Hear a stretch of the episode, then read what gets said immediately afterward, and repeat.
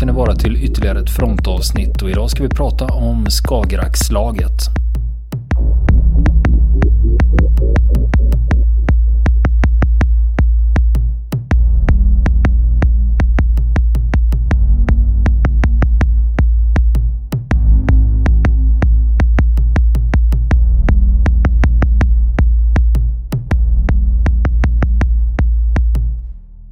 Ja.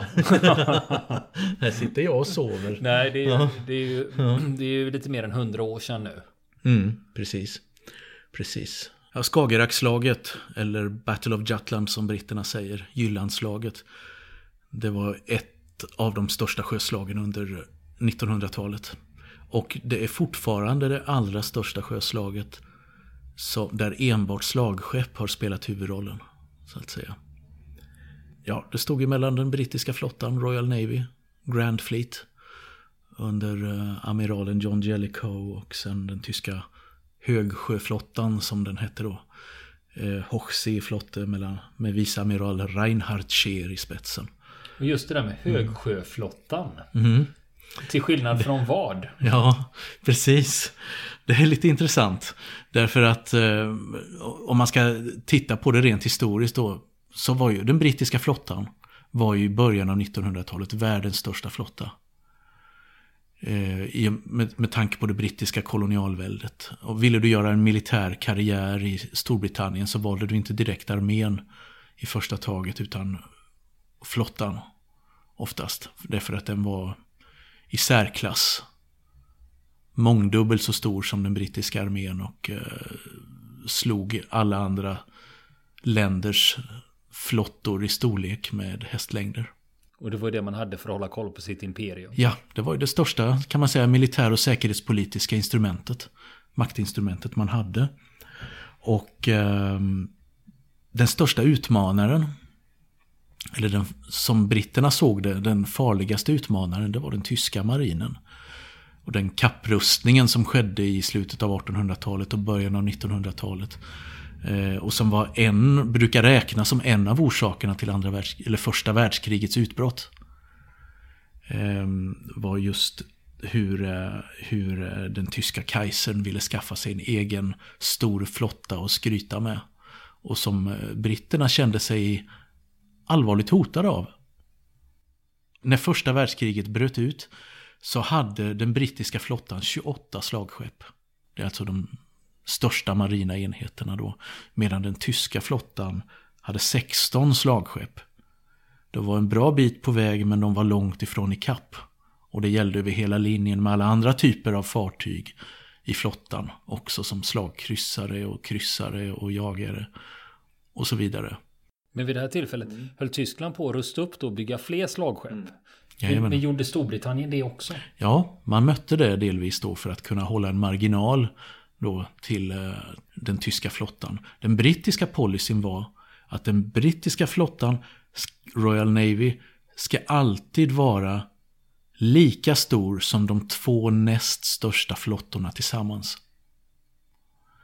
Det var det grundpolicyn, vilket innebar då att man fick börja bygga båtar av olika storleks, storleksklasser då, och speciellt då slagskepp. I den här bakgrunden då, där ingår ju att när första världskriget bröt ut så inledde Antanten, då, Storbritannien och Frankrike, en sjöblockad mot Tyskland. För att stoppa internationell handel och långsamt svälta ut Tyskland. När man inte kom åt sina eh, ja, marknader och kunde importera förnödenheter utifrån. Det var det största målet som den tyska flottan hade att lösa under första världskriget. Det var att på något sätt försöka bryta den här sjöblockaden mot Tyskland. Och eh, det är mot den bakgrunden som man ska se det här sjöslaget vid i Skagerrak 1916.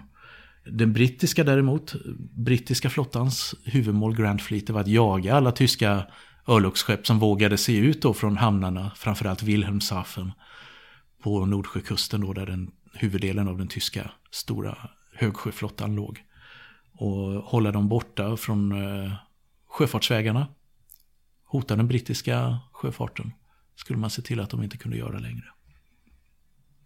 Och flottorna på den här tiden, det fanns ju inte direkt så mycket hangarfartyg. Det var inte hangarfartygens krig.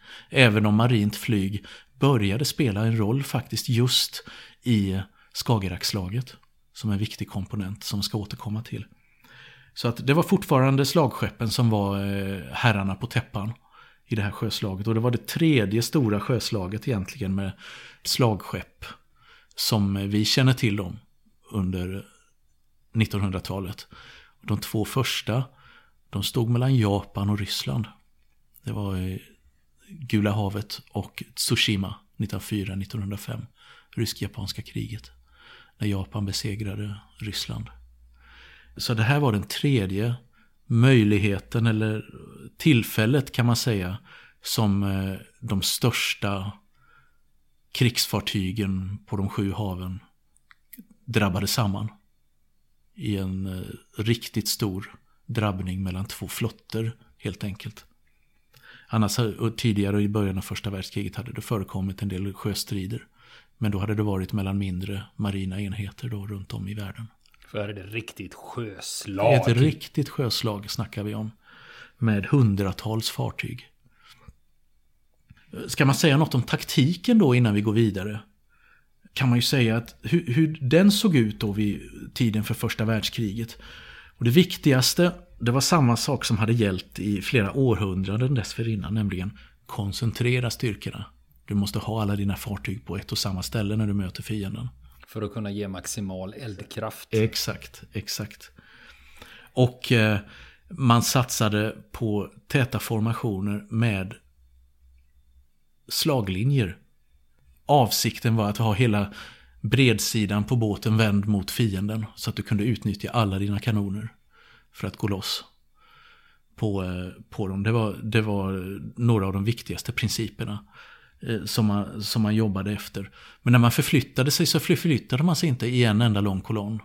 Utan eh, när man var på väg mot fienden, utan då förflyttade man sig på flera kolonner parallellt med varandra. Och det hade med det som man kallar command and control, alltså hur du, hur du leder sjöstyrkor i strid att göra. För ska du manövrera dels med en lång kolonn, det tar ganska lång tid innan du får den dit du vill. Eh, speciellt på den här tiden när man inte utnyttjade radio och radiotelegrafi så mycket. Utan man använde fortfarande flaggsignalering och eh, eh ljussignalering från kommandobryggorna.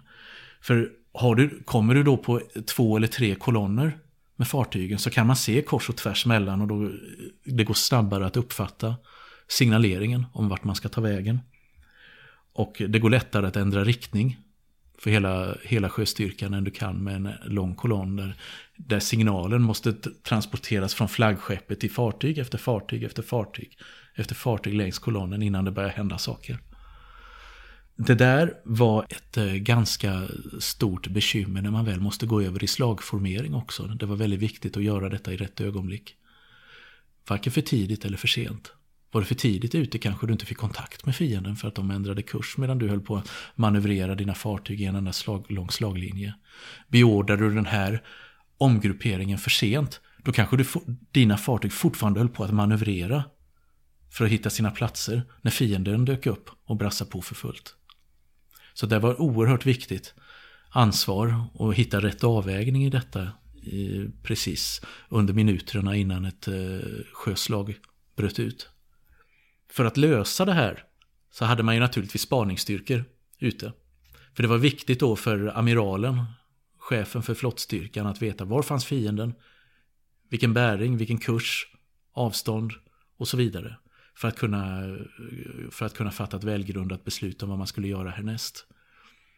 Och samtidigt då så skulle spaningsstyrkan se till att om möjligt hindra fiendens spaning från att skaffa samma uppgifter om en själv.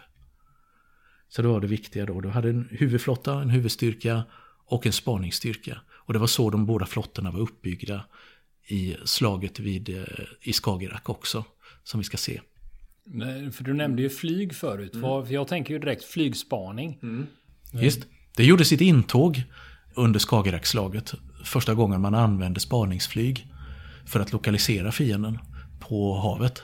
För det är ju väldigt effektivt mm. om du jämför det hur, Om du tänker vilka ytor du kan täcka med flyg. Absolut. Och jag menar även med ett plan mm. av 1916 års modell Mm. så är det bra mycket effektivare än eh, Absolut. slagskepp även om de kanske är 30 meter höga. Absolut.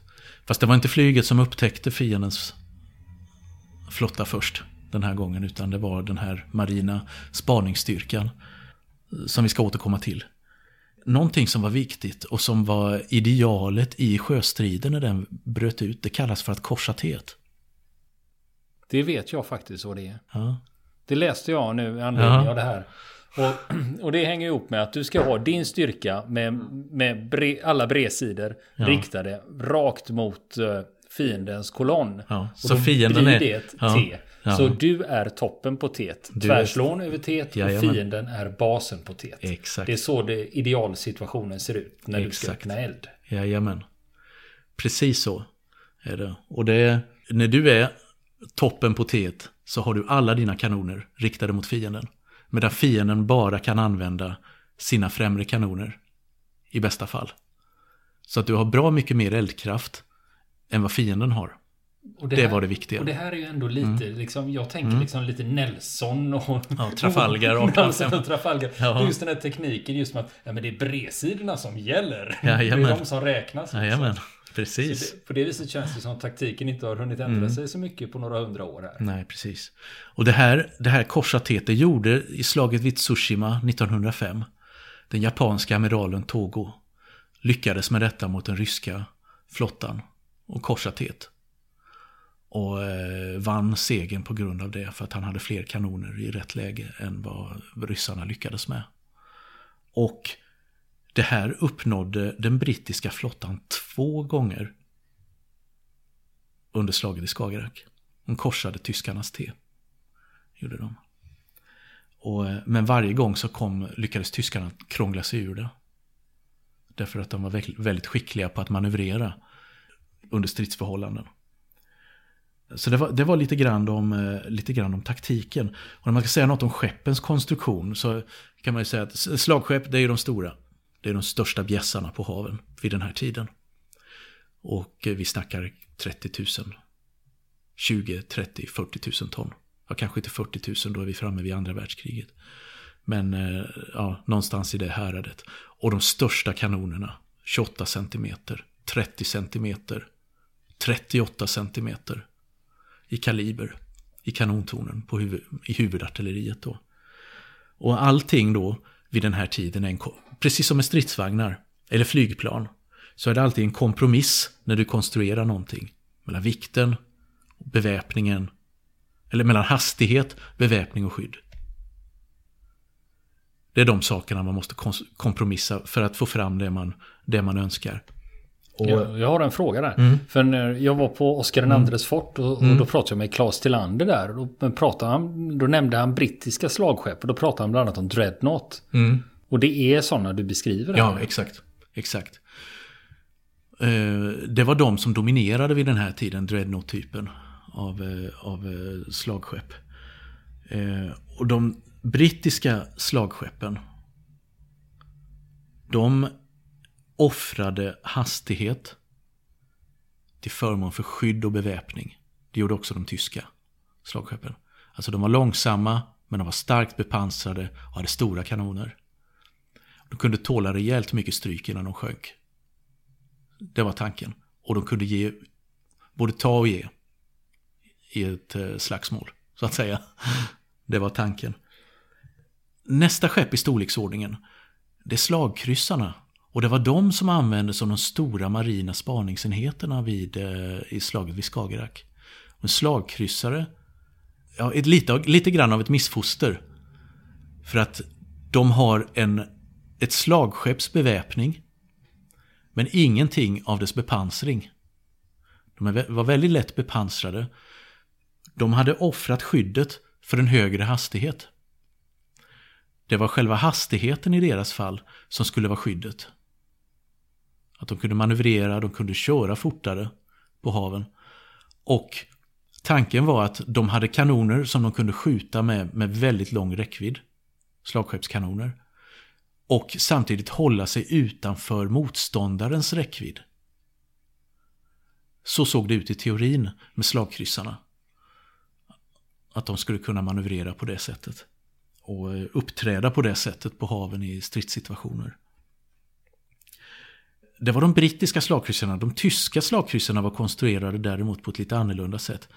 De hade lättare kanoner. Mindre kanoner med tjockare pansar. Samma resultat, hög, högre hastighet.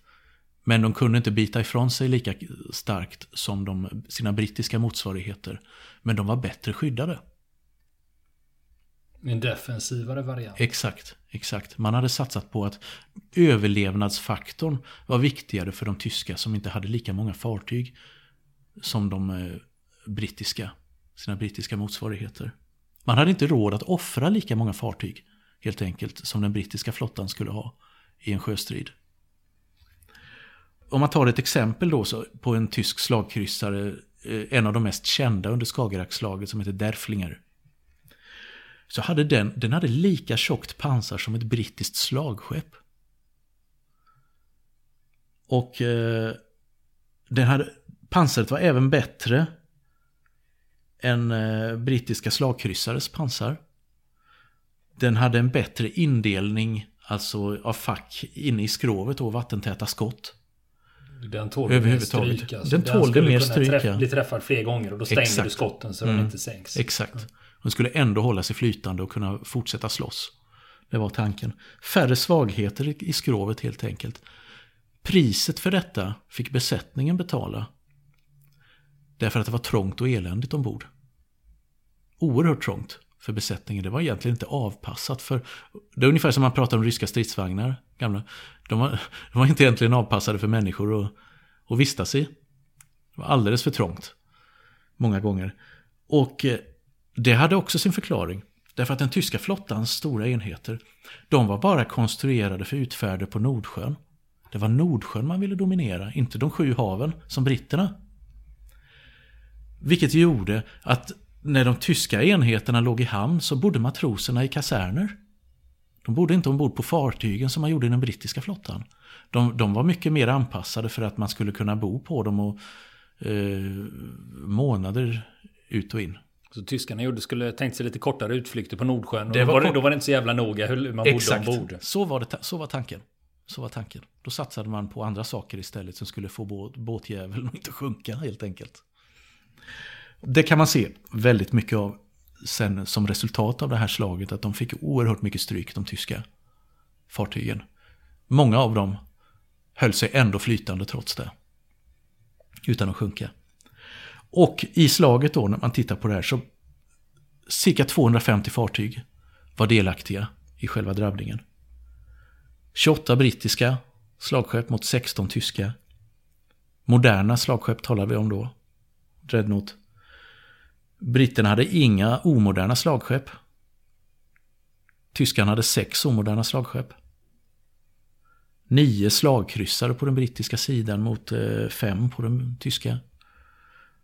Åtta pansarkryssare på den brittiska sidan och tyskarna hade inga liknande. 26 lätta brittiska kryssare mot 11 tyska. Och så 79 brittiska jagare mot 61 tyska. Det rådde någorlunda jämvikt då på när det gäller små snabba enheter. Sen dessutom så hade britterna ett eh, sjöplansfartyg. Alltså en eh, första utveckling mot hangarfartyg med sig som kunde skicka upp sjöflygplan och spana. Tanken på den tyska sidan när man planerade att ge sig ut på Nordsjön med hela flottan. Den hade, hela högsjöflottan hade i princip, med undantag av några mindre fartyg som hade gett sig ut på räder på haven, hade legat i hamn större delen av första världskriget ända fram till 1916. Man hade inte vågat se ut för att möta britterna i en fullskalig drabbning för det visste man att man hade inte en chans. Men man hade en plan. Man skulle locka ut genom att använda sina slagkryssare, sin spaningsstyrka som leddes av viceamiralen Franz Hipper som hade, hade fem snabba slagkryssare. Så skulle man locka ut brittiska sjöstridskrafter Och då tänkte man sig framförallt då den brittiska spaningsstyrkan. Som också bestod av slagkryssare under amiral Sir David Beatty. En playboy och en erfaren sjöman på den brittiska sidan då. De skulle man locka ut. Dra in i strid. Locka med sig. Rakt under kanonmynningarna på högsjöflottan. Och göra mos av dem. Så bit för bit hade man tänkt sig att vi ska ta, vi ska ta en tugga i taget i den brittiska flottan för att jämna ut oddsen.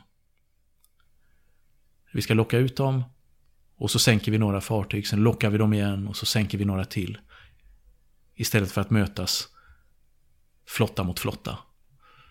Så såg den tyska tanken ut inför slaget vid Skagerrak.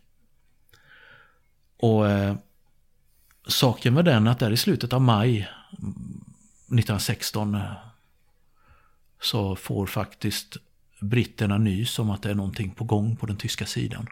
Och det får man via signalspaning. Och det faktum att man via den ryska flottan fått tag på en tysk kodbok. Från en tysk kryssare som ryssarna hade bordat. Som heter Magdeburg, tidigare under kriget. Därigenom får man klart för sig att Eh, man vet inte riktigt vad, men att det är en stor marinoperation på gång. En tysk. Det är bäst att nu löper vi ut.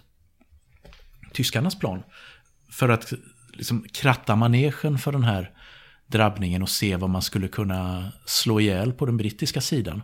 Så har man tänkt lägga ut en spärr, en patrullkedja eh, med tyska ubåtar på Nordsjön. För att se vad passerar över den. Vilka, vilka brittiska flottstyrkor har vi att vänta? Problemet var att de hann inte på plats riktigt. När hela Grand Fleet löpte ut från Scapa Flow. Så att det kom inga rapporter till tyskarna alls om att hela den brittiska flottan hade löpt ut på Nordsjön vid den här tiden. Utan eh, tyskarna och amiral Scheer som leder den tyska högsjöflottan, han är övertygad om att de enda han har emot sig, det är David Beattys slagkryssare. Halvdussin slagkryssare. De här snabba, tunt bepansrade slagkryssarna. Men huvudflottan, Grand Fleeten, hade man missat helt. På eftermiddagen den 31 maj så får man kontakt med varandra. Det är klockan 14.20 närmare bestämt så siktar amiral Bitis slagkryssarstyrka de tyska flottförbanden, nämligen de tyska slagkryssarna under amiral Franz Hipper Alltså spaningsstyrka mot spaningsstyrka. På Nordsjön. Han siktar Hippers slagkryssare långt innan tyskarna har väntat sig. De första skotten de avfyras redan åtta minuter efter att man har siktat de första tyska skeppen. Alltså 14.28. Och då är det två brittiska kryssare som öppnar eld mot tyska torpedbåtar som rör sig i närheten. För då, alla de här eh, förbanden var omgivna av mindre flottenheter också. Som var liksom utspridda över ett större område för att patrullera av. Och man höll bland annat på att kontrollera ett danskt handelsfartyg. Var mitt uppe i detta när man fick stridskontakt. Och eh, fick avbryta det där snabbt då. Åtta minuter efter den första granaten har avlossats. Så eh, fick, blev en brittisk kryssare som heter Galatea träffad av en annan tysk kryssare på maxavstånd för deras kanoner. Och det var det första träffen så att säga på något, någon deras sidans fartyg under den, här, under den här striden. Och i det här läget, då beordrar David Beatty ett sjöflygplan att lokalisera tyskarna. Var deras huvudstyrka befinner sig. Alltså slagkryssarna pratar jag om då. Och det är första gången då som ett sjöflygplan används i strid.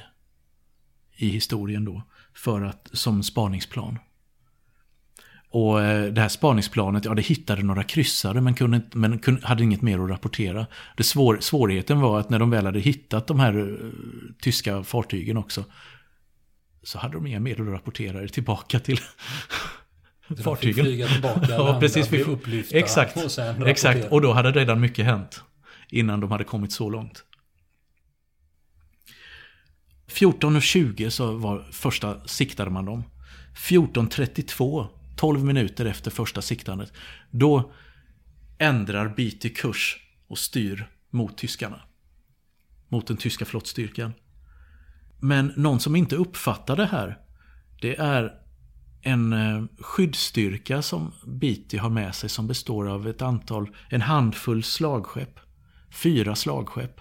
Långsamma alltså. Som tillhörde Grand Fleet egentligen men som hade avdelats att eh, följa med de snabba slagkryssarna. Eh, leddes av en annan amiral då som hette Hugh Evan Thomas. Men han uppfattar inte att man ändrar kurs. Att Beatty ändrar kurs. Därför att Beattys fartyg, eh, eh, det är dålig sikt. Och Beatys fartyg är för långt borta för att man ska uppfatta signaleringen.